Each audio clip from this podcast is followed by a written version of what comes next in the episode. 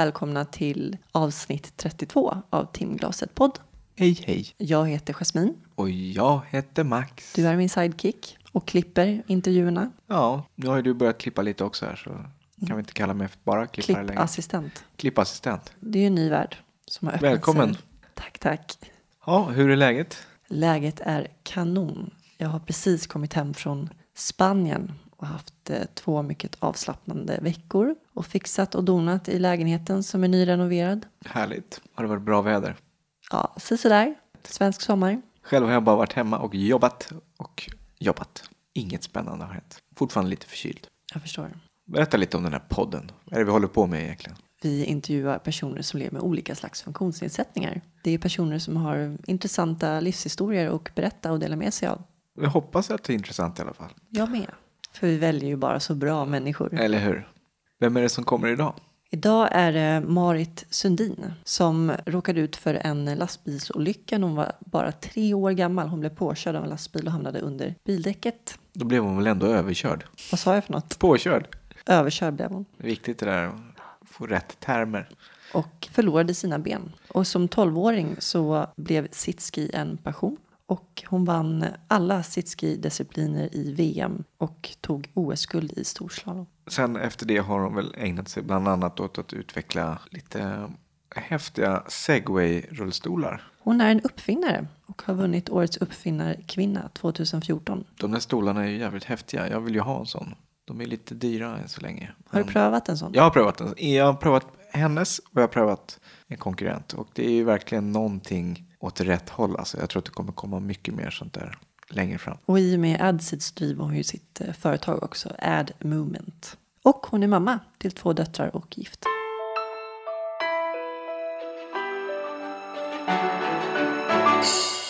Vi är jättetacksamma för våra sponsorer som är Koloplast. Det utvecklar ständigt produkter tillsammans med användare för att göra livet enklare för människor med mycket personliga hälsotillstånd som till exempel blåstömningsbesvär och avföringsinkontinens. Gå gärna in på deras hemsida koloplast.se så får ni all hjälp ni behöver för att kunna utföra era toabestyr lättare. Både du och jag är väl trogna kunder kan jag tänka mig. Precis. För den biten är ganska komplicerad när man har en lam kropp. Men de har ju fantastiska duschpallar i alla fall. Det är väl det jag har från dem tror jag. Men det kan ju vara lite pinsamt att prata om sådana problem. Så eh, då kan ni gå in på deras hemsida. Där får ni en massa tips och råd och så. Ja, ska vi köra igång med Marit? Det tycker jag. Här kommer Marit.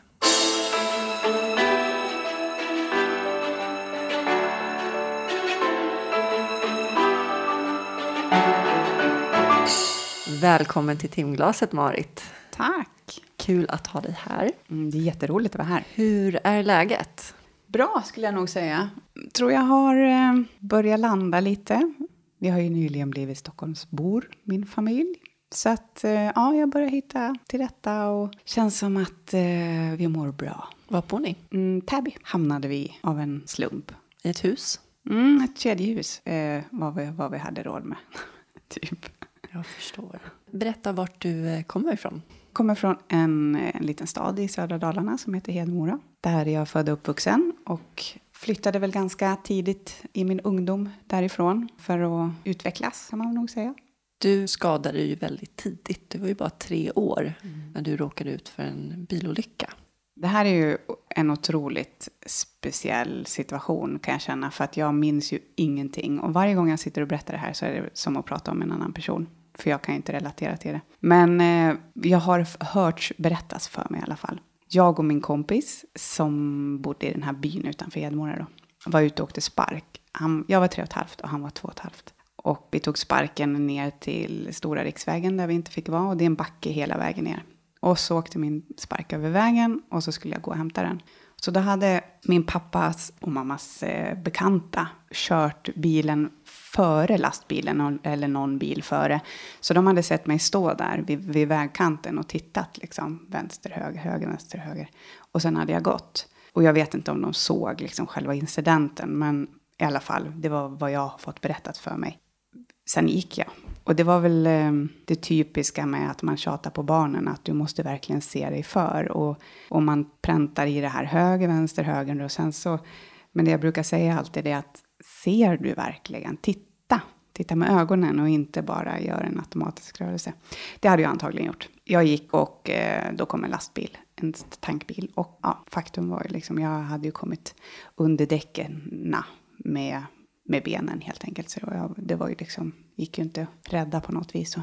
Med tanke på hur liten du var mm. så är det ju otroligt att du ja. överlevde egentligen. Ja, dels det. De sa ju liksom att det bara det att överleva en sån här situation liksom. Och sen också det här att efteråt med blodförgiftning, som man, de sa väl så här 90 procents chans att någonting sånt händer. Men jag klarade mig ifrån det och det var väl det som var min räddning. Jag lyckades liksom överleva det där. Sen har de ju, det har ju varit jättemycket liksom följder på på det här då med transplantationerna och sådär. Så att jag var ju sjukhusliggande ganska länge. De fick transplantera på, på benen och så. Och det blir ju liksom följdoperationer, läka, följdoperationer och sen läka.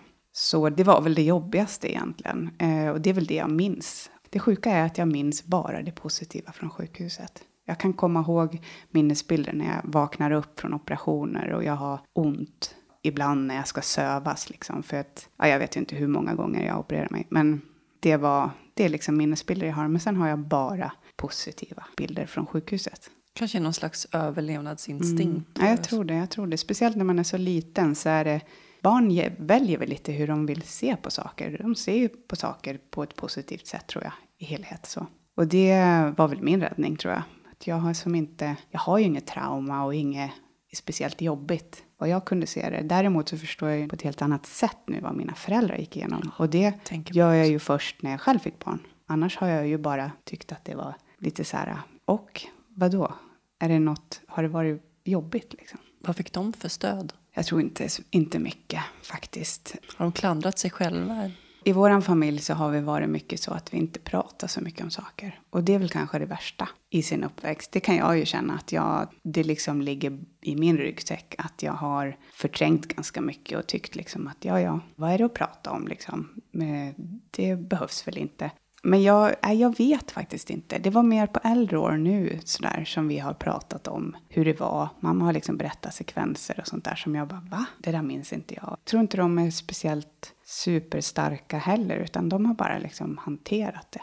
Jag tror, jag, jag är uppvuxen i ett kyrkligt hem och det var väl det som var deras räddning tror jag. Att ha liksom det där tron till att det ska liksom lösa sig ändå och att, att man ska orka. Men å andra sidan kan man ju fråga varför kan en sån här sak hända? Varför kan det få hända liksom? Skulle jag ju ställa mig frågan. Men ja, jag vet inte. Jag ser ju ändå meningen i allt och sjukt nog så kan ju jag ju se mening i det här. Jag, jag skulle ju aldrig någonsin vilja byta ut mitt liv. Så är det ju.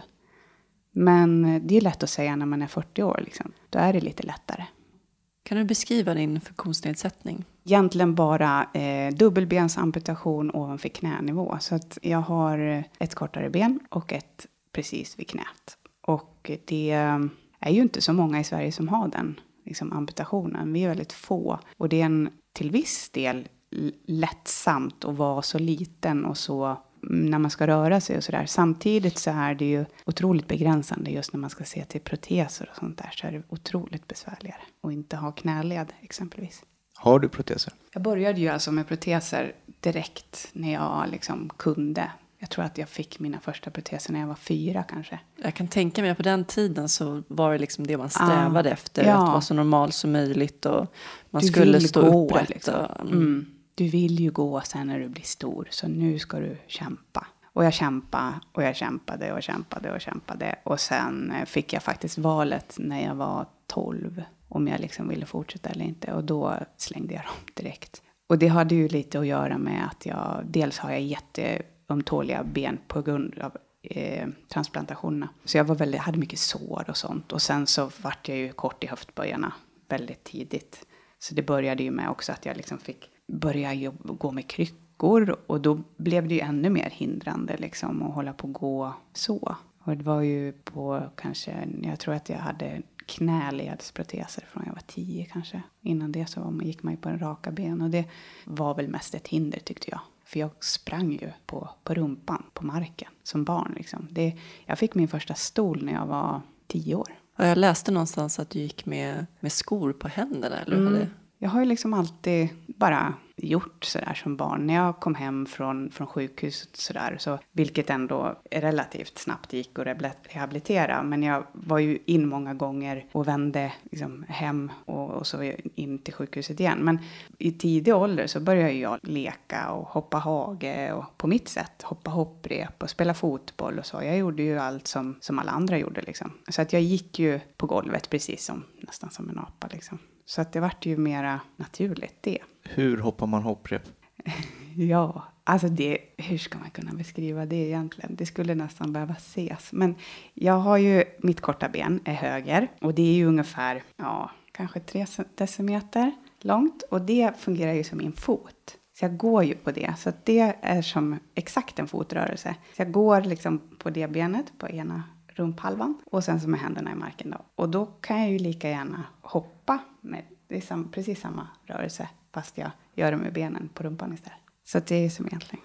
Men du går inte på stumpsidan utan på undersidan? På undersidan, ja. ja. Så i, i princip på rumpan liksom. Sen insåg jag ju när man på äldre år att, att jag sliter ut mig liksom. Så att efter jag fick rullstol och, och framförallt när jag blev äldre så insåg man ju att jag kanske ska hålla lite längre än, och framför, eller framförallt inte slita ut liksom händer och sånt där. Då. Så att eh, nu är jag bekväm att ha inomhusrullstol och utomhusrullstol. Det hade jag inte förut. När förstod du att du var annorlunda? Skolåldern tror jag. Ja, det var väl där i ettan kanske. Jag gick dagis gjorde jag. Och då var det nog inte så konstigt. Så, men i skolåldern, ettan, tvåan, där har jag minnen ifrån att man var lite annorlunda. Jag, jag insåg liksom att jag inte kunde vara med på allt riktigt. Och det var eh, konstigt för mig. Jag gick ju liksom inte dagis utan jag var hemma. Mamma var ju hemma med mig fram tills eh, dagisålder. Så fick jag ju börja dagis för att jag skulle liksom akklimatisera mig lite. Och det var väl lite där man började. Jag hade ju lekt med mina kompisar bara och de var man ju som vanlig med. Och det tror jag är ganska normalt tror jag för alla barn. Att det är nog i skolåldern man börjar skiljas eller se skillnader. Hur kändes det? Jag har nog ändå varit ganska trygg i att det är som det är. För att jag ändå gjorde så pass mycket som jag gjorde och kunde hänga på. Det var ju, jag spelade väl fotboll men det var inte så att jag riktigt var med på en fotbollsturnering. Så och brännboll gjorde jag ju också, fast det var lite småbökigt liksom. För jag kunde inte springa lika snabbt som det skulle behövas. Men såna här saker, enkla barnsaker, det var väl lite där man kände att det, det handlar nog mycket om fysiska alltså, grejer. Och det har nog följt mig hela tiden, att jag äh, har ganska höga krav på mig fysiskt. Att vara duktig, lite tävlingsmänniska. Hur ser din familj ut som du växte upp med? Jag har två eh, äldre syskon och ett yngre. Men de, det var ju de äldre som var tre och fyra år äldre. Och där känner jag, det är väl, jag tror att det är de som har lidit mest. Inte jag faktiskt. För de fick ju ta väldigt mycket liksom, ansvar hemma och så. När, mamma eller pappa var ju med, med mig på sjukhuset i långa perioder. Um, så det kan jag väl både känna från den tiden och i vår uppväxt att det har förföljt oss lite. Det är svårt också när man inte kan prata om det eller? Exakt, när det inte är naturligt att liksom ventilera. Och det kuvas ju liksom. Det känns lite motsägelsefullt om man ändå är troende eller liksom man har en kristen tro. Så föreställer jag mig att man har en viss öppenhet till att prata mm. om känslor och det som är svårt och, och sådär. Jag tror att det nästan är tvärtom. Jag tror att man har det som en skyddsmantel lite sådär att vi var ju liksom inte alla det. Det var ju det, var ju det som var så svårt med att mamma och pappa ville projicera någonting och vi eh, kanske inte riktigt tyckte likadant och så framförallt min äldre syster ville väl gå sin egen väg och sådär. Och det, sånt där blir jättesvårt. Jag tror att, eh, jag tror att det är mest negativt alltså. Det var vad jag minns det som. Det kan vara en trygghet för många men eh, väldigt mycket krav och vad ska andra tycka har varit våran lilla ledord tror jag. Men du är inte troende idag eller? Ja, jag vet inte ska jag säga. Men jag tänker Hedemora, det är ju ett litet ställe alltså. Mm. Pratades det mycket kring det som hade inträffat? Det måste ju ändå varit en stor grej där tänker jag. Mm. Nej, det är ju ett litet ställe. Och konstigt nog så, nej, ingen pratar om det. Ingen vågar tror jag. Man vågar inte.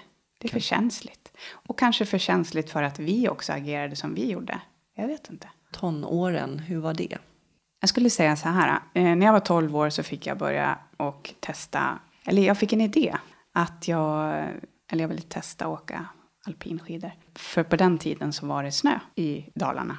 De åkte alltid skidor, mina klasskompisar och så. Så vi hängde ute i skidbacken jättemycket på helgerna. Och jag hängde på Men eh, jag satt ju bara och kollade liksom. Och då var det lite det här att det där måste bara gå att göra liksom, på något vis.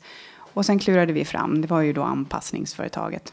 Så klurade vi fram en, en sits och på, en, på en skida med kryckor i händerna som jag åkte kryckskidor då. Och det skulle jag säga var ju hela min räddning tror jag. Som tonåring. För jag, jag vet inte vad jag hade, vad jag hade barkat här annars. Jag tror att jag hade, jag är lite grubblare av mig och jag är lite så här, jag, jag, ja, jag vet inte. Jag behövde verkligen det där, någonting att, något fysiskt att, att utmana mig med. Och framförallt någonting som är kul. Jag menar, skidåkning är ju också en, ett fritidsintresse för väldigt många. Jag varit uppslussad väldigt snabbt i liksom att få börja träna och träffade rätt folk och fick sponsorer. Och, så jag började ju verkligen liksom hårdträna och fick åka både som föråkare för jag var inte jag fick inte ställa upp i internationella tävlingar som, för jag var för ung, så 16-årsgräns hade de då. Så då var jag med på diverse tävlingar, både VM och OS som föråkare och sen så fick jag börja tävla. Jag läste någonstans att du var med och utformade Sveriges första sitski, mm, stämmer det? Precis.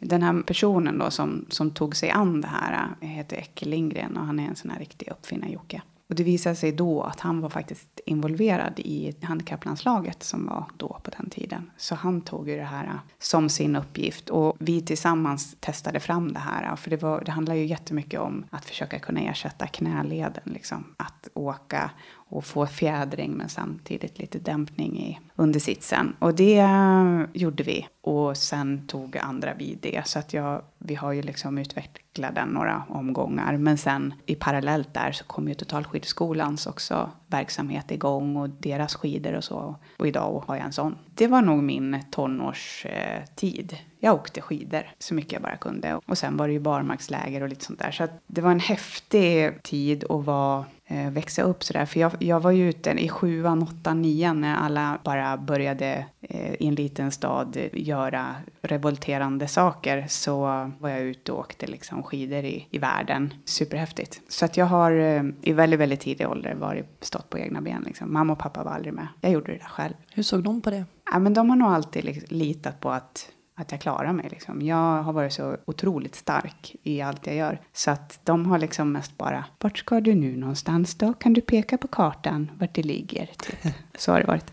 Och eh, litat på mig totalt. Du har inga problem med att säga att du har stått på egna ben sedan tidig ålder? Nej, det har jag faktiskt inte. Vi går på promenad, vi rullar inte på Nej, promenad. Exakt. Men redan när du var 17 år då, om jag har läst på rätt, så eh, var du med i ditt första VM och vann alla sitski-discipliner. Mm. 16 år var jag till och med tror jag. Det måste ju varit jättestort för dig. Ja, absolut. Hur var det, det var, den upplevelsen? Det var väl hur overkligt som helst. Jag har liksom alltid, just skidåkningen är ju, det är ju mitt närmaste hjärta, min aktivitet som jag älskar som mest. Det har varit någonting som jag har kunnat från första sekund. Jag satte mig och så åkte jag. Och jag har haft fördelen att jag liksom har så korta ben så jag har en ganska bra fördelaktig sitski-position kan man väl säga. Det är lättare om du inte har benen till exempel. Får en lättare, tyngdpunkten blir ju mera centrerad. Det är en fördel. Och sen eh, lite fighting så. Sen har jag ju tvekat jättemycket på min förmåga. Det är mycket tack vare mina tränare som jag har kommit dit jag har kommit. Så det hade jag ju inte klarat mig utan. Och, och blivit liksom ändå pushad så hårt kan jag tycka. För att det är många gånger som, som jag har varit för rädd också. Men jag har gjort det för att jag bara ska göra det. Sen har jag, det har ju också varit lite den här målsättningen att alltid vara lite, försöka utveckla sig och, och våga göra utmanande saker. Så det har väl också förföljt mig hela tiden. Med tanke på att du blev skadad så tidigt. Du har blivit tvingad att hitta lösningar på problem och komma på nya hjälpmedel och sätt att ta dig fram helt enkelt. Ja, men jag tror nog det. Det har väl alltid lite varit så att jag, jag hittar lite egna sätt att göra saker på och eh, med hjälp av en en liten, ja vad, vad, som, liksom, någon grej som man har specialgreja tillverkat så ja men då kan jag göra det här också. Så så har det alltid varit faktiskt. Och jag har haft pappa som har varit förnulig och löst saker och, och min man är likadan så att vi hittar väldigt mycket lösningar själva sådär. Vad jobbade dina föräldrar med? Pappa var skogsmaskinsförare och mamma var faktiskt hemma fram tills, ja det var ju för mycket för min del då. När började hon jobba? Hon jobbade som husmor på senare år. Två år senare efter VM där så var du även med i OS. Mm, Stor slalom i Frankrike. Precis. Hur var det? Jag ska säga så här, jag hade turen att tävlingen strukturerades om på grund av väderlek. Det var storm och lite sånt där, så de fick planera om. Vi skulle, igen- det startar ju oftast med störtlopp. Det har väl inte varit min starka sida riktigt. Mycket också för att jag är så lätt. Jag har inte så mycket att sätta till om, om någonting, någonting sker. Om man faller, då faller man långt. Men som tur var så började storslalomen och det är min favoritgren. Där jag vann. Men sen så nästa disciplin var ju störtlopp då, då. Och då var det faktiskt, jag hade varit uppe och besiktat banan och bedömt den som, det här vet jag inte hur det kommer gå liksom. Det här känns inte kul. Typiskt så här eh, sv- svåra passager som jag känner att här, har, här är jag så lätt så att jag har svårt att liksom hantera kanske just den här svängen efter hoppet eller något sånt där. Men så då när jag åkte upp och så åket ner till liften för att åka upp till start, då eh, blir allting svart. Min eh, skida löser ut och jag slår av min hjälm och eh, i princip bara tumlar runt hur, hur långt som helst. Så jag vaknar upp på sjukhuset medvetslös och eh, rejält skadad i ryggen. Eller så, inte kotskadad så, men rejält knäckt. Så det var mitt slut. Och det blev faktiskt också mitt slut eh, i min karriär. För att det blev för tufft för ryggen. Och jag böjdes ju bakåt mot ryggstödet. Och just där i det liksom ländryggs har jag ju problem med idag också.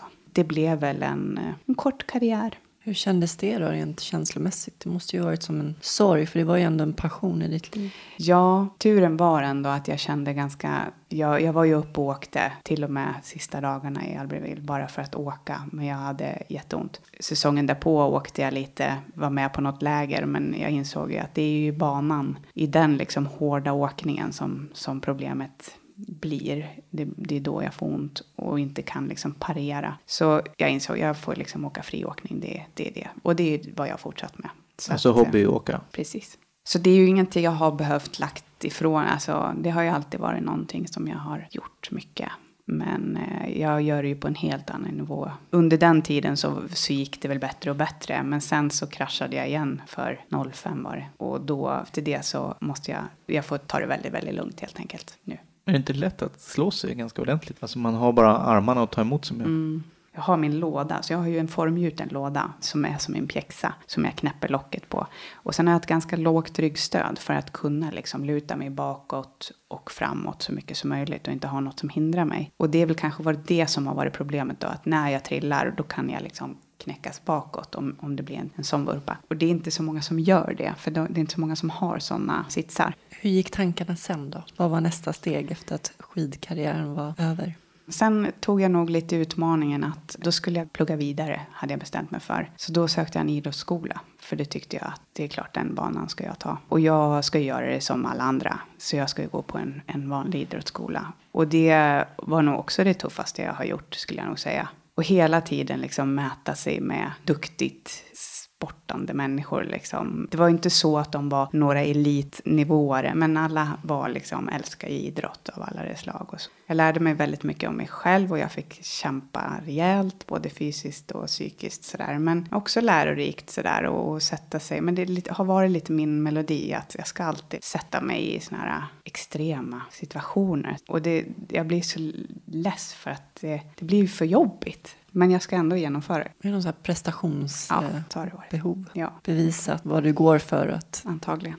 Du pluggade till att bli vad då? Idrottskonsulent. Ja, vad blir man då? Jag vet inte. Egentligen, många går ju vidare till idrottslärare. Min ambition var, ja vad var den? Det var nog bara utmaningen att jag skulle vara där.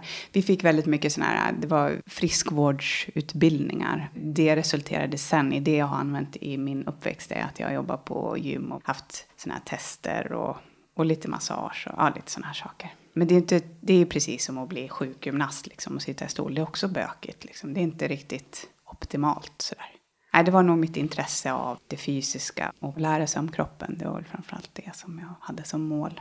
I den utbildningen så provade jag tennis. Och då blev ju det en ny grej för mig. Att jag skulle byta tag i det då och försöka bli så bra som möjligt. Och det, jag spelade i några, några år. Samma där, jag fick upp lite pengar så att jag kunde sponsorer och sådär som jag kunde spela. Så jag åkte runt i världen och spelade lite turneringar. Och min styrka var ju att jag var väldigt snabb i stolen. Teknik, ja, ganska okej okay, sådär. Men eh, jag hade inte riktigt den här fokusen liksom. Att klara av att spela i en, två timmar och hålla liksom det mentala på topp. Det var ju två helt olika skilda världar. Från att komma från en skidåkning till sånt här. Jag kände att nej men jag, jag har inte det här mentala som krävs. Jag gav det några år men sen flyttade jag faktiskt från Stockholm. Jag bodde i Stockholm den här tiden. Och då var det ganska självklart för det var, fanns ju bra träningstillfällen och så. Men jag tränar ju bara med killar. Men när jag flyttade därifrån då det, det rann ut i sanden faktiskt. Vart flyttade du då någonstans? Då flyttade jag upp till Norrland, till Östersund. För då ville jag komma närmare skidåkning och bara från Stockholm och och göra någonting annat. Och så började jag plugga, mest bara för att göra någonting. Då gick jag ledarskapsutbildning som var lite mer inriktad mot turism då och sådär. Och det var väl bra. Du måste ju ha haft bra erfarenheter med tanke på hur mycket du hade rest innan. Ja, precis. Jag har ju liksom rest väldigt mycket i min sport, men jag har också rest väldigt mycket privat. När jag var 13 år, då tågluffade jag första gången. Coolt. Eh, med kompisar? Ja, med två kompisar. De var 15. Ja. Får man göra det så tidigt? Eller var ovan Jag någonstans? tror det. Ja, vi åkte ner i Europa. 13 och 15. Ja. Ni fick det för föräldrar? Och... Ja, det är typiskt. Det har jag med mig från mina föräldrar. Jag tycker att de har varit fantastiska, att de har vågat liksom lita på mig så. Jag har ju alltid hållit på och rest. Jag har ju alltid varit iväg själv. De litade på oss totalt. Vi gjorde det väldigt städat och bra. Jag skulle nog inte, i dagens läge är det en helt annan sak tror jag. Det är mycket mer turbulent. Ja, vi gjorde det ju verkligen på ett, vi skulle ju spendera så lite pengar som möjligt också. Så var det ju. Så vi bodde ju, ja, ibland utomhus och ibland billigaste vandrarhemmen. Det var det som var målet. Så det var ju mycket verkligen inte anpassat och så. Jag, jag hade tillverkat en ryggsäck som jag la under min rullstol. Som jag band fast med remmar för att ha en bra tyngdpunkt och sen så stöldrisk och allt sånt där. Så hade jag med mig min ryggsäck. Och så släpade vi. Vi åkte ner Holland, Frankrike, Spanien och så var vi mycket i Spanien. Vi åkte runt hela Spanien, in mot Portugal och så tillbaks. Har du bott någon längre tid i något annat land? Nej, det har jag faktiskt aldrig gjort. Aldrig haft en längtan till heller. Jag är väldigt, väldigt nöjd med Sverige på så vis. Det jag har älskat mest det har varit Nya Zeeland. Det har jag nog tyckt har varit det häftigaste. Skillnaderna i ett så litet land till att ha allt i princip. Så det är ett land som man önskar att man kunde åka till mer på ett enklare sätt också. Men ja, vi har väldigt många vänner som bor där. Från Åre då, där jag senast har bott, där eh, hamnar ganska många människor som är lite skidåkare och så. Det är många som är svensk och nyzeeländsk eller australiensisk och så bildar de familj. Så att det, vi har många som bor där över nu som vi har haft hemma. Så det är också ett mål. Man vill jättegärna åka och hälsa på dem såklart. Jag förstår det. Jag har alltid Mm. velat åka dit. Ja. Det verkar så vackert. Ja, det, är det Men, har verkligen allt. ja, det är resan som tar emot. Alltså. Ja, det är så långt. Det är så, så hiskeligt långt så att det är... Ja, det går ju om man pausar i Bangkok typ några dagar. Mm, Bangkok eller Och bara vila, Singapore. vila rumpan. Precis. Ja. Men det smartaste är ju att dela upp det och så på, ett, på flera dygn så Mm. har man ett dygn liksom paus och sen åker man vidare. Då går det faktiskt bra. Vad hände sen efter ledarutbildningen då? Då flyttade jag till Åre för att komma närmare skidåkning och, och mest bara det enkla livet. Men jag började jobba, säsongsjobba och åkte skidor. Och, så jag var där två säsonger och jobbade sommarsäsong nere på västkusten. Så jag har ju alltid gjort det här liksom alla, som alla andra gör, säsongsjobba liksom. Och jag har ju vuxit otroligt på det. Men jag kan ju också gräva mig hela tiden att måste jag sätta mig i sådana besvärliga situationer? Bara hitta boenden som funkar för någon sådär kort tid. Ja, allt möjligt. Det är väl den jag är och det är därför jag är där jag är idag tror jag. Sen så träffade jag faktiskt min man. Han var uppe på semester. Så Vad heter han? Martin heter han. Han eh, var uppe och åkte skidor och blev kvar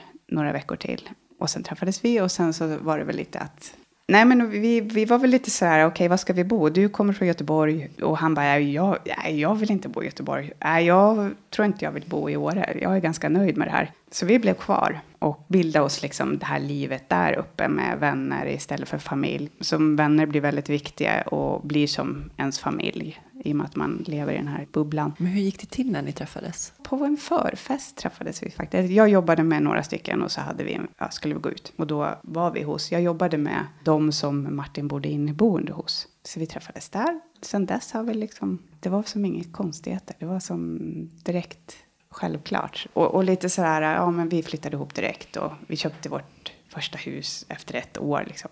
Vi har varit väldigt så här, spontana och eh, gjort ganska mycket snabba beslut. Men det är lite så vi är. Vi har blivit kvar där och vi har trivts bra och sådär. Men sen så 14 år bodde vi i Åre och jag fick mina barn där uppe och ja, jobbat med massa olika saker som man gör på en turistort. Där man kan ha helårsjobb. Bland annat då på en gymanläggning som slutligen verksamhetsansvarig.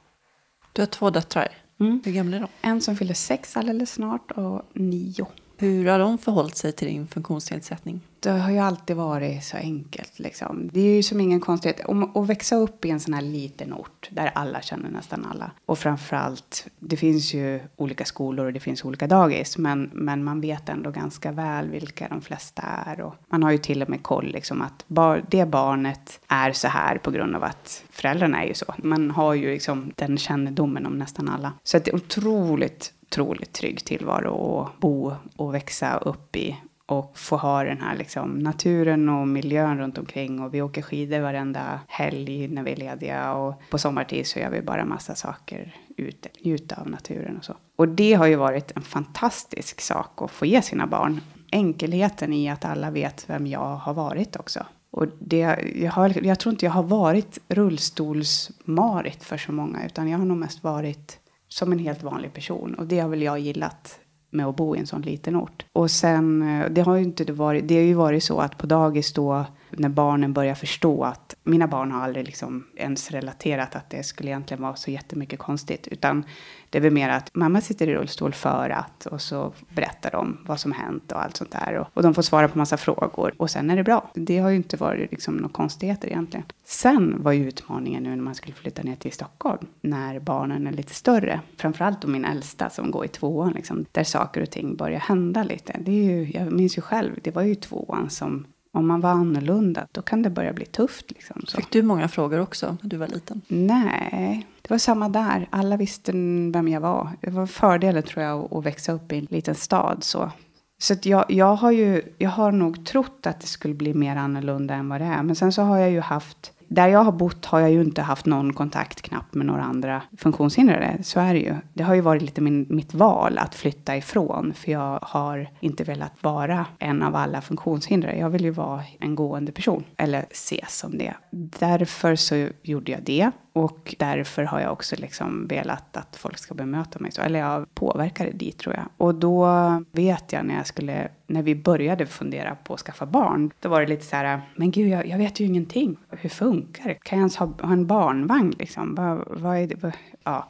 Så då vet jag, jag minns att jag, jag ringde Annette Wilhelm som jobbar på Frösunda Center. Jag jobbar ju med henne när jag jobbar på Frösunda Center innan det blev Rehab Station. Och liksom bara frågade henne hur funkar det liksom? Vad har du för tips? Går det ens? Är det ens värt det? Och det har väl varit min, jag har liksom haft henne som en liten sån här mentor mamma Och då har jag också fått inblick i, genom henne, att det inte är så konstigt. Att det är jättemånga som sitter i stol som har barn liksom. Och, och det påverkar inte dem negativt utan snarare kanske mer de får mer vidvinkel. Så här funkar den och så funkar den och den är brun och den är vit och den är, ja, det är inga konstigheter. Jag ska bara sticka in att Annette är med i säsong ett av timglaset. Hur gick det sen då, efter första barnet? Det var en utmaning.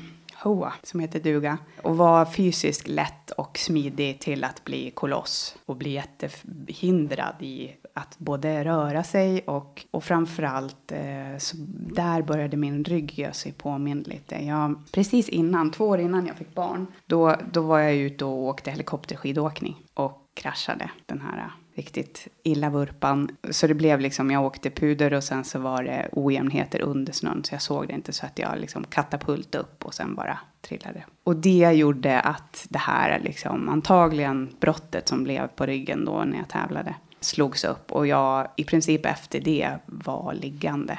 Så att jag, jag var så, jag hade så ont och jag, hade, jag var så dålig liksom, så att jag låg mest hela tiden. Jag skulle ju inte sitta, jag, fick ju, jag skulle ju gå helst, men det var ju svårt. Och då efter det då, när jag liksom rehabbade mig och, och fick tillbaks, jobbade på styrka i bål och så för att liksom klara av och, och ta det här när man ändå, jag har ju ingen naturlig sittposition för att jag inte har fötterna och den här automatiska vinkeln som benen blir som pallrar upp hela överkroppen. Så för mig handlar det ju mycket om att jag ska orka med benen, sitta liksom, använda hela kroppen för att sitta bra. Vilket blev jättesvårt. Men efter ett tag så rehabiliterade jag mig och då, dumt nog så kanske vi då jag blev gravid.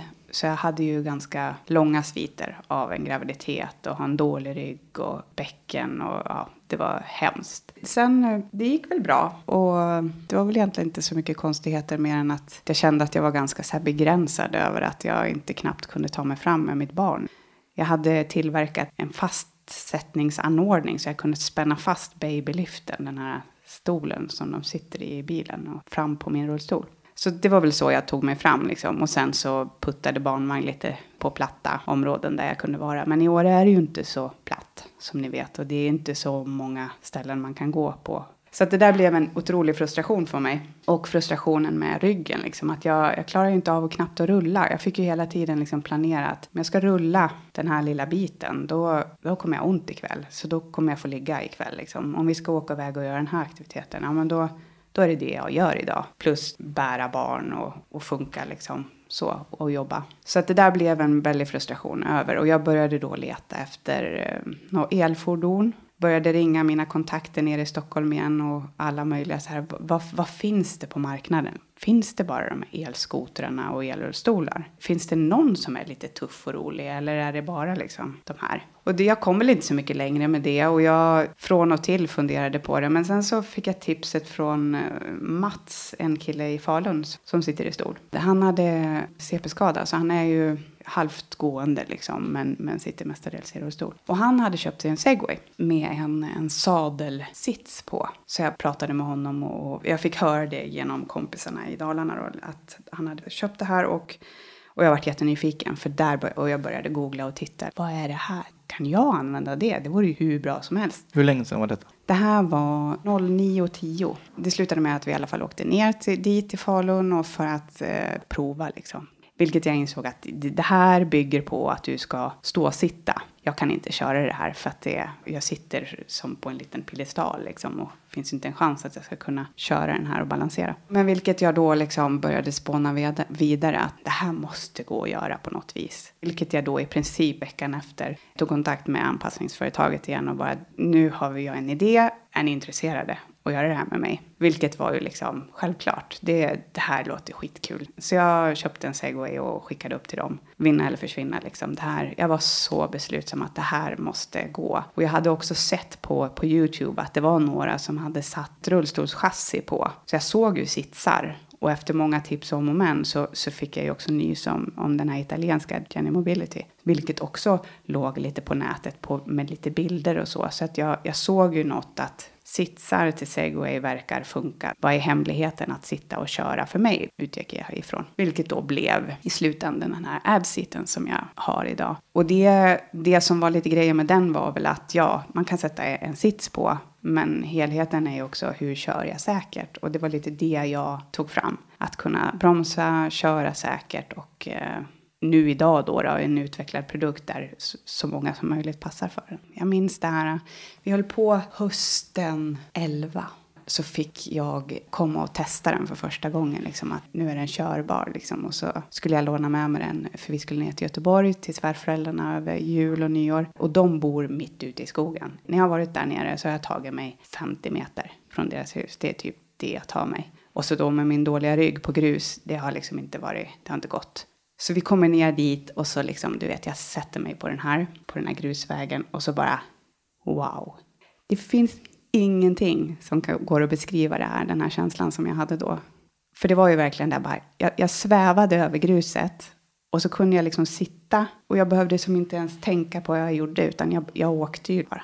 Det var helt galet. Och så på den miljön där jag liksom bara en fantastisk natur. Så att det slutade ju med att vi, vi gick och vi gick och vi gick och vi gick den här. Och det var ju snö. Vi var ute flera gånger om dagen. Jag ville bara, du vet, jag ville inte sluta. Det och så kanske få barn är liksom det största jag har varit med om. Och det, det är lite sjukt att översätta det till att jag har fått benen tillbaks. Den känslan hade jag. Och så då blev det ju lite det här att okej, okay, det här var ju bara en, en sits till mig. Vilket sen blev liksom en affärsidé och allt det här. Men det handlar ju mycket om att jag började experimentera med barnen. Liksom. Du vet, nu kan vi gå och hålla hand. Det har ju liksom aldrig hänt. Och vi kan hålla hand på en gräsmatta till och med. Liksom. Shit, jag, jag kan bära det här. Ja, men lasta på mig. Jag tar strandväskan och strandstolarna. Det går bra. Jag kan bära allt det där utan liksom problem nu. Plus att jag hade fått mitt andra barn då. Jag tror att det var den vevan. Hon föddes 10, jag skulle få 10 april fick jag mitt andra barn, så jag var ju gravid. Förlossningsmässigt och sådär, har det funkat bra med din kropp? Jag har faktiskt tagit två kejsarsnitt. Dels tror jag jag har gjort det av rädsla för att komplikationer och sådär. Och så lite för att man sitter och ja, ja, det har nog varit mer allmänt så här av rädsla som jag har. Däremot så satte första barnet igång en vecka innan. Så att jag fick vara med om, om verkar och de faktiskt till och med erbjöd mig liksom att du kommer klara att föda. Vill du det så, så kör vi på det. Och jag Ah, jag var inte förberedd på det, så jag gjorde faktiskt inte det. Men så att jag fick uppleva det här och, och det är ju en jätte, stor grej, viktig grej för hela processen tror jag. Men då eh, så skaffade vi också en sån här barnvagn som är väldigt vanligt i Åre. Man gör om dem till skidkälkar och springcyklar, ja, springvagnar och så. Så sån skaffade vi och då insåg jag ju också liksom att jag kunde faktiskt ut och gå med barnvagnen och koppla på den som en cykelvagn om vi skulle åka långt. Det var ju där min idé satt. Det var ju där jag låg och klurade på. Jag tar mig ju ingenstans med mina barn. Och det är lite det som har varit lite grejen, tycker jag, med det här. Att även om jag klarar mig, jag kan oftast liksom hitta lösningar på, men att bli förälder så är det ju inte bara jag längre, utan jag måste kunna hantera mig själv och dem. Det är nog den största utmaningen tror jag, som jag har varit med i mitt liv. Att inte räcka till bara för att nu ska jag liksom, det är inte bara jag själv som ska ha en lösning på mitt problem, utan nu måste jag som förälder få kunna följa med och delta. Och det är nog det jag är mest stolt över. Att jag har lyckats med det också. Liksom. Men sen 2014 så vann du Årets uppfinnarkvinna. Och ett sånt erkännande måste ja, vara roligt. det är roligt. Och speciellt när man håller på med teknik och grejer som är så otroligt mansdominerat. Så är det faktiskt ett erkännande. Och, och framförallt marknadsföring såklart. Men det är ju ändå en, det är ett målsättning. När du kör eget så, så är allt det här en målsättning som du måste sträva mot. Och det gjorde ju väldigt, väldigt mycket tycker jag, liksom för bara visas så. Sen om min produkt har blivit kändare för det, det vet jag inte. Men jag som privat företagskvinna, det, självklart så är det en bra nominering. Så. Man får ju träffa väldigt många i det här nätverket och så. Det är, shit vad många bra kvinnor det finns alltså, som har kommit på sådana bra grejer. Och det är väl det häftigaste liksom. Att, att också kanske inspirera andra att faktiskt våga lite. Hur var tonåren där med självförtroendet? Kände du någon gång att du var liksom förbannad över det som hade hänt? Och... Sista dansen på ett disco och så kan man inte dansa tryckare. För mig har det ju liksom handlat mycket om att ja, men jag vill inte göra det på något annat sätt än på det vanliga sättet. That's it. Så då får det vara. Ja, men lite sådana där saker minns jag. Det var lite jobbigt. Att kanske inte... Ja, nu på äldre år så kan jag liksom komma på mig själv att shit vad jag skulle vilja kunna gå i högklackat. Det är så snyggt. Ja, det, det är nog det. Det skulle jag nog säga. Cykla, gå i högklackat. Men nu cyklar jag ju nästan med min headset. Handcykla? Nej, räknas inte. Mm. Det är den här balansgrejen. Att sitta på en cykel och bara flyga fram. Jag har fått för mig att det måste vara den maximalaste häftiga. En jättehäftig känsla i alla fall. Kanske inte den maximalaste, men jättehäftig känsla. Jag har ju cyklat en gång i tiden. Kommer du ihåg? Det var roligt att ja, cykla. Det var väldigt kul. Jag tror kanske inte riktigt att man ser det. Det är som att gå kan jag tänka mig. Men, men om man liksom sätter det i perspektiv, så kanske nu på äldre ålder, när man får ut och ja, jag, jag, ser ju mig då, alltså att det ska ju inte kanske bara vara på vanligt ställe, utan ja, ja men så, det ska vara natur, öppet och bara sväva fram liksom. Det har jag fått för mig igen.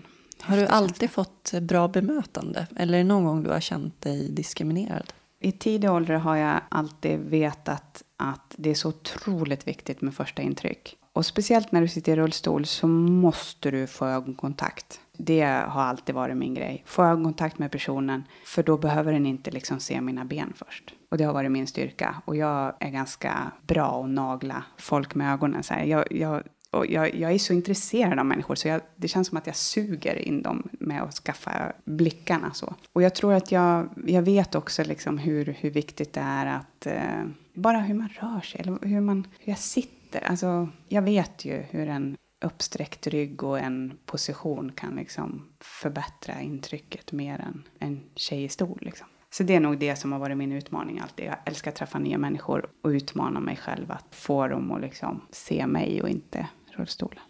Hur lång är du? Jag brukar säga 128 på passet. Jag gjorde faktiskt nytt pass här. Det var så roligt. De bara ja, mm, ja, och inga konstigheter. Ja, du behöver inte mätas eller? Nej, jag behöver inte mätas. Du driver företaget Ad Movement. 2011 startade jag en enskild firma och sen så. Jag var med i det här anpassningsföretaget på en hjälpmedelsmässa i Göteborg. Där alla blev helt fascinerade och vad, vad är det här? Det var väl lite där det startade skulle jag säga. Just att här sitter jag på världens bästa grej. Men ingen kan prova den för den är ju bara invägd för mig liksom. Det är ju som en rullstol som har centrerade hjul på rätt ställe typ under sitsen. Då körde vi igång. Jag åkte hem och så startade jag mitt företag och så började vi bygga vidare. Vad har du för vision? Min vision är att göra ja, världens kändaste, bästa gyrorullstolen. Och vi är på god väg. Och då kommer det inte vara äldstitten. Om det sitter någon där ute nu med en lysande idé och tänker att det här borde jag göra någonting utav. Vad, vad är första steget? Vad ska man göra? Då ska man nog kontakta en sån här, ja för min del var det en science park eller Almi typ. Bolla idén. Vad är det för något? Det är ju kommunalt ägda, tror jag det är. En del är privata. Är företagskluster, alltså företagsklimat som du har i olika skeden. Alltså en del de är inriktade på att nystartade företag, alltså bolla idéer. Alltså man får komma oftast och bara presentera, jag har den här idén. Är det någonting ni tror på? Är det värt att satsa liksom? Där börjar man. Och sen kan man få liksom guidning och hjälp genom hela startprocessen och allt där. Så det var lite så jag började. Och sen eh, går man vidare och i de här liksom får man väldigt bra nätverk att tillgå och, och väldigt mycket bra seminarier och kurser som man kan gå. Det finns ju i alla olika liksom, nischer också. Media, data, teknik. Och speciellt här i Stockholm finns ju hur mycket som helst sånt där. Det vill jag pusha till. Det superhäftigt att göra något eget. Och oavsett om det är en, en uppfinning eller är det bara en, en affärsidé. Vad som. Gör det. Prova. Det är en häftig erfarenhet. Man lär sig så mycket. Det går inte att gå någon annan skola som kan ge dig den här erfarenheten. Vad är det bästa med att vara mamma? Jag skulle ju säga så här att jag är inte en sån här idealmamma. Jag, jag tycker det är ganska jobbigt många gånger.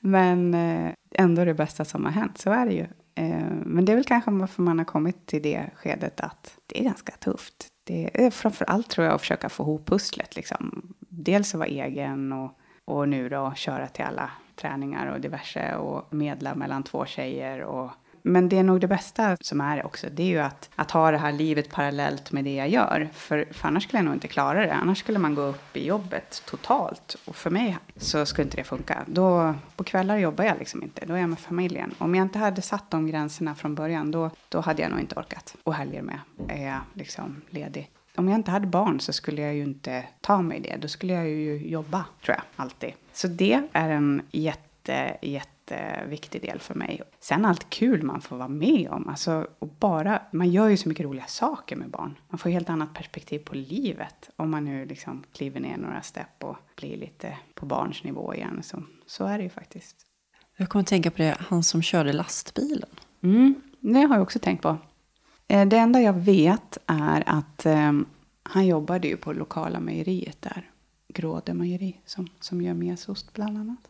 Det stod, eh, jag har sett notisen i tidningen, eh, typ sån här liten spalt, eh, när det här hände då. Det var det det var faktiskt. Sen vet jag att, att då, mamma och pappa var i kontakt med honom för att bara liksom säga så här att du, det är inte ditt fel, typ så. Men han, eh, ja, shit vad häftigt det vore att få träffa honom. Det är nog en av mina drömmar. Jag hoppas att han har sett mig på något vis, liksom, så att han förstår att för jag, jag vet inte hur jag skulle kunna leva med det. Och det är jättetragiskt att han har liksom, ja, även om mina föräldrar har liksom sagt så här till honom att, jag vet inte vad de sa, men, men han flyttade ju från Hedemora direkt. För han klarar ju inte av att bo där. Och då vill jag veta lite hur, hur har han klarat det? Jag klarar mig ju alltid, det vet ju jag. Men han? Ho, vilken traumatisk. Det är ju överhuvudtaget om de som... Ja, men det ju, händer ju många olyckor, tunnelbaneolyckor och sånt där. Men, men i det här fallet så är det ju ganska liksom privat eftersom det är jag. Så det skulle faktiskt vara jättehäftigt. Tänk om man skulle få kontakt med honom. Har du försökt? Nej, men det borde jag. Det känns som att i ditt fall så har den här bearbetningsprocessen kommit i omgångar genom åren. Mm, verkligen. Jag frågar mig själv också hur länge det ska pågå. Liksom. Kommer man eh, hitta ro liksom, någon gång? Sen vet jag ju att jag är liksom härstammar från en lite rastlös familj. Men kommer man vara sådär som de här äldre säger att de bara ja, det är bra att bli äldre och så tycker man att allting är frid och fröjd och, och sådär. Och då undrar man, undrar, undrar om man själv kommer att tycka så eller kommer man bli fysiskt dålig då så man inte får njuta liksom. Det är också jätteviktigt att ta hand om sig. Det, det har jag ju lärt mig i det här också. Att inte vara så enträgen och köra på för att man ska fysiskt utmana sig själv. För jag vill ju också kunna fungera som en 50-åring och en 60-åring också. Har du känt också att du har försökt kompensera din funktionsnedsättning med att prestera? Ja, det är väl tyvärr jättesolklart. Och det kan jag tycka att jag skulle vilja ha gjort på något annat sätt faktiskt. Det känns lite omoget. Men å andra sidan var man inte så mogen då. Eh, jag hade velat gjort det på andra grunder. Så är det väl. När fick du beröm senast? Idag, för en timme sedan. Vad hade du gjort då? Jag var faktiskt hos min samtalsterapeut. Det är också ett väldigt bra sätt att orka med. Och tror jag ett nyttigt sätt för oss, eh, ja, men både dels som företagare så, så tacklas man med mycket problem och, som man ska hantera. Men sen också för att man är annorlunda så tror jag det är jätteviktigt. Så det var väl bra att få lite sådär injektion av att eh, man duger. För det tror jag vi alla tampas med. Vad är lycka och vad betyder lycka för dig? Lycka är harmoni. Harmoni och välmående. Sen kan ju lycka vara också att göra roliga saker, tyvärr. Men helheten är ju faktiskt att du har harmoni i din vardag kanske.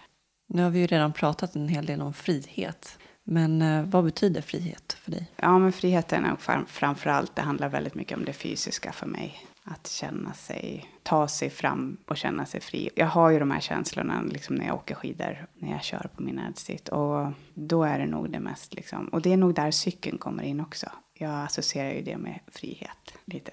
Om du fick leva om ditt liv, skulle du göra någonting annorlunda då? Ja, jag skulle ju ha öppnat upp mer och kanske ventilerat lite mer redan från början. Och inte stoppat undan så mycket. Men samtidigt, ja. När kom det då, när du började ventilera? Eller insåg att du behövde mm. det?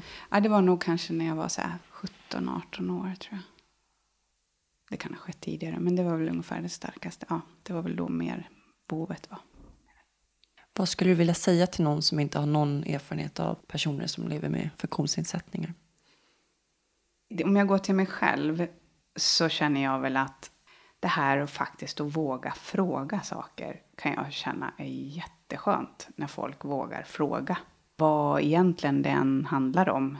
Men oftast för mig handlar det ju om vad jag har råkat ut för. Det enda sättet att få lite perspektiv på andra som har det lite svårare, det är ju faktiskt att lära sig, få kunskap om det. Och det är ju det enda sättet då faktiskt att fråga eller Sen så vet jag ju också att jag, jag vill inte gå och svara på frågor på stan liksom, hel, hela tiden. Men, men i sådana situationer där det är naturligt så kan jag känna så här att jag kanske ska vara lite mer öppnare. Kanske ska vara lite mer, behöver inte vara så knusslande liksom. Att våga säga att saker och ting är jobbiga ibland. Att få, liksom, det är också folk rädda för. Närma sig någonting som, som är lite jobbigt. Jag tror nog mer att man vågar vara lite mer öppen och intresserad. Det är svårt, det är en balans för att ibland när folk frågar om man berättar, mm. då blir det oj, oj ja. gud vad hemskt, oj vad jobbigt. Och då, då blir det lite det här, ja, tycka synd om. Ja. Nu har jag inga problem med att säga det. Det blir ändå, man får ju den reaktionen. Om man bara liksom, ja men så är det ju. Sen är ju nästa utmaning att bara vända det där. Precis. Med några få korta ord beskriva någonting så att de förstår. Det kan jag också tycka är utmaning. Liksom att, men jag bara säger liksom att jag har ett jättebra liv. Ja, men Wow, kul. Jag brukar ju aldrig svara på den frågan till främlingar. Jag har sagt några gånger, kan inte du berätta om det mest traumatiska du har varit med om så här på festen? Det är ju roligt. Ja. Ja, Om man är på en fest, liksom. varför ska jag sitta och prata om det där? ja, nej, precis. Men jag tror att det handlar mer om så här kort och koncist. Ja, men det här har hänt. Nu så, och så får man, kan man ju lätt styra in det på något trevligt och, och bra. För jag tror ändå att det är en utmaning att säga det. Liksom. Har du någon gång inte svarat eller sagt att nej, jag vill helst inte berätta? Ja, när, när jag var yngre, då tyckte jag det var skitjobbigt. Jag tyckte det var skitjobbigt att träffa barn. Åh, vad de ska fråga. Så, är kunde jag liksom många gånger bara vända mig om och gå. Ja, men du vet sådär. Medan nu så är det ju så viktigt. Även om jag svarar på den här frågan tionde gången på dagis. Så måste jag ta den här tiden. För det är så viktigt för dem. Ser jag. Jag, jag ser ju att varje sånt här möte är viktigt. Jag har, förut så kände jag så här. Ja men du behöver inte bry dig. Ja men det här är mitt liv. Så. Samtidigt som jag nu då. Eftersom jag är en offentlig person. Så har det väl också varit lite. Det är precis som att jag måste sköta mig. Vi har ett ansvar på hur, hur jag ska liksom. Hur folk ska se på mig och sådär. Jag kommer ju inte göra något omställt. Men det är jätteviktigt att jag tar den tiden som varje situation kräver. Att kanske liksom delge eller... Och det är ingen som vågar fråga liksom känsliga saker. Det vågar ju ingen gå in på. Kanske då typ på en fest skulle vara det då. Typ och börja prata liksom intima grejer. Och det, det tycker jag liksom, ja men det kanske inte du har att göra med. Men ja, jag har nog alltid sett det lite sådär nu på senare år. Att jag på något vis har ett ansvar.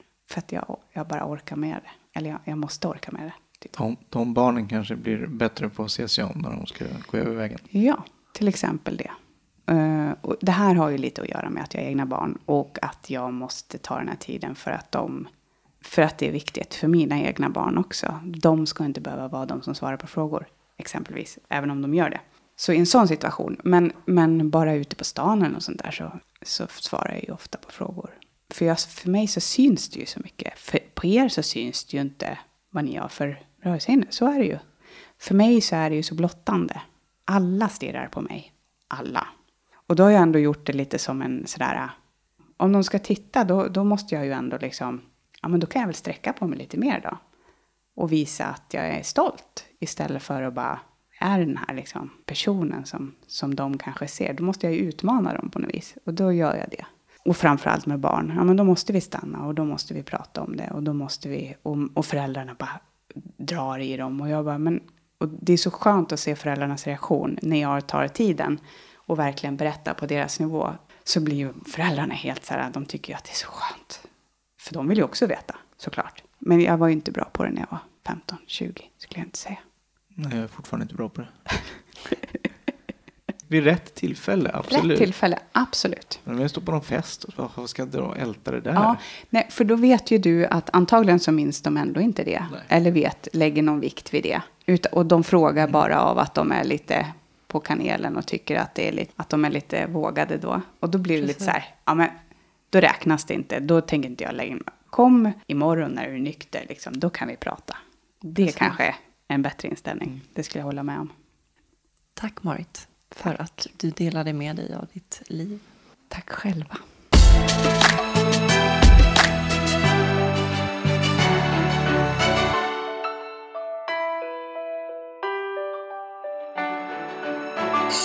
Något vi glömde nämna i intervjun är att Marit är en av tio uppfinnare också som har vunnit Vinnarentreprenörerna 2015 som hon är väldigt stolt över. Det är eh, Åforsk entreprenörsstipendium i samarbete med Swedish Incubators och Science Parks, även kallad SISP, som delar ut stipendiet. Och det har hon vunnit. Ja, för att hon skapade en flygande lösning utifrån ett eget behov. Man ska kanske börja uppfinna och få stipendium för grejerna. Eller hur? Nej, de där stolarna är fantastiska. Kommer komma hur mycket som helst. Nej, det känns som att jag har för hög skada för att... Ja, men jag tror att det kommer komma andra, gre- andra grejer också. Det kommer komma liknande. De här jävla permobilerna vi åker, eller liksom som finns idag är så jäkla stora och klumpiga och Ja, de är osmidiga. Det är, åbäken. mm, Det är bara om jag är ute i naturen som jag använder min permobil. I terräng liksom. Det är ju inte om man ska in någonstans i någon affär eller då är det ganska kört. Du, det var ju grymt häftigt när hon efter intervjun eh, demonstrerade hur hon tar sig ner och upp från golvet. Man blir ju lätt avundsjuk om man Det gick ju på en sekund. Man var inte ens beredd på att hon skulle göra det. Och så helt plötsligt så visade hon. Så var hon där nere på golvet. Eh, Alltså hon tog ju bara tag i ramen av rullstolen och så plötsligt så var hon på golvet. Det såg smidigt ut. Och även när hon skulle upp, det var ju som att hon flög upp. Det är ju lite lyxigt på så sätt och vis att benen inte väger något. För de finns inte där. Nej, precis. Så kroppen blir lite lättare. Har du uppfunnit någonting någon gång? Något hjälpmedel eller? Det känns som att du är en sån här uppfinnar-Jocke av någon anledning. Du gillar ju att pyssla med saker och ting. Och... Ja, jag har väl kommit på vissa hjälpmedel som jag har fått konstruerat själv. Liksom, som hjälper till på olika sätt. Förenklar. Som är liksom individanpassade. Har du några egna uppfinningar i hemmet? Alltså jag vet ju inte om det är min egen uppfinning, men jag har ju som en, en hov eller typ, ja, ska man säga, sopskyffel liknande som är specialgjord för mig som gör att jag kan ta upp grejer från golvet. Ja, Du får inte ner upp grejer annars. Nej, jag når inte ner på till golvet med min stelopererade rygg. Så då tar jag den här hoven vet du, och fiskar upp grejer. Funkar kanon. Jag byggde ju en kontorsrullstol för några år sedan. Vad var för speciellt med den då? Jag tog en kontorsstolsrygg och satte på en rullstol. Det blir lite mer fåtöljigt när man sitter och jobbar framför datorn hela dagen. Mm. Det är bra med de här som finns som är lite smarta som kommer på saker som för utvecklingen framåt. För det känns ju som att det finns mycket som man skulle kunna göra mycket snyggare framförallt. Ja, det händer ju grejer hela tiden alltså. Mm.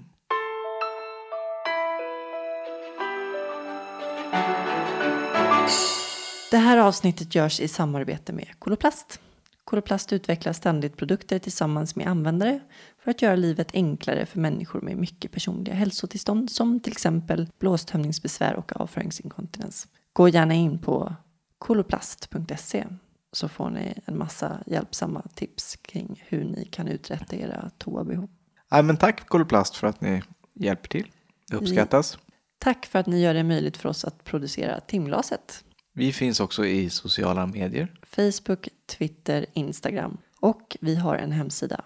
www.timglasetpodd.se Hashtag timglasetpodd om ni vill dela och skriva om oss. Det blir vi jätteglada för. Vi behöver all spridning vi kan få. Ni kan kontakta oss på kontakt timglasetpodd.se om ni vill skriva några ord. Vem ska vi träffa nästa gång? I nästa avsnitt så får ni höra ingen mindre än Teppas Fågelberg. Han har ögonsjukdomen retinitis pigmentosa Som gjorde att han i 30-årsåldern började tappa synen. gradvis. Och till slut blev helt blind. Teppas är journalist, programledare, krönikör och författare. Och han är en av programledarna i Ring P1. Kontroversiell sådan ibland. Ja, det kan man ju lugnt säga. Mer om Teppas i nästa avsnitt. Har det nu så himla bra. Ha det så grymt bra tills nästa avsnitt. Ha det fint. Hej då!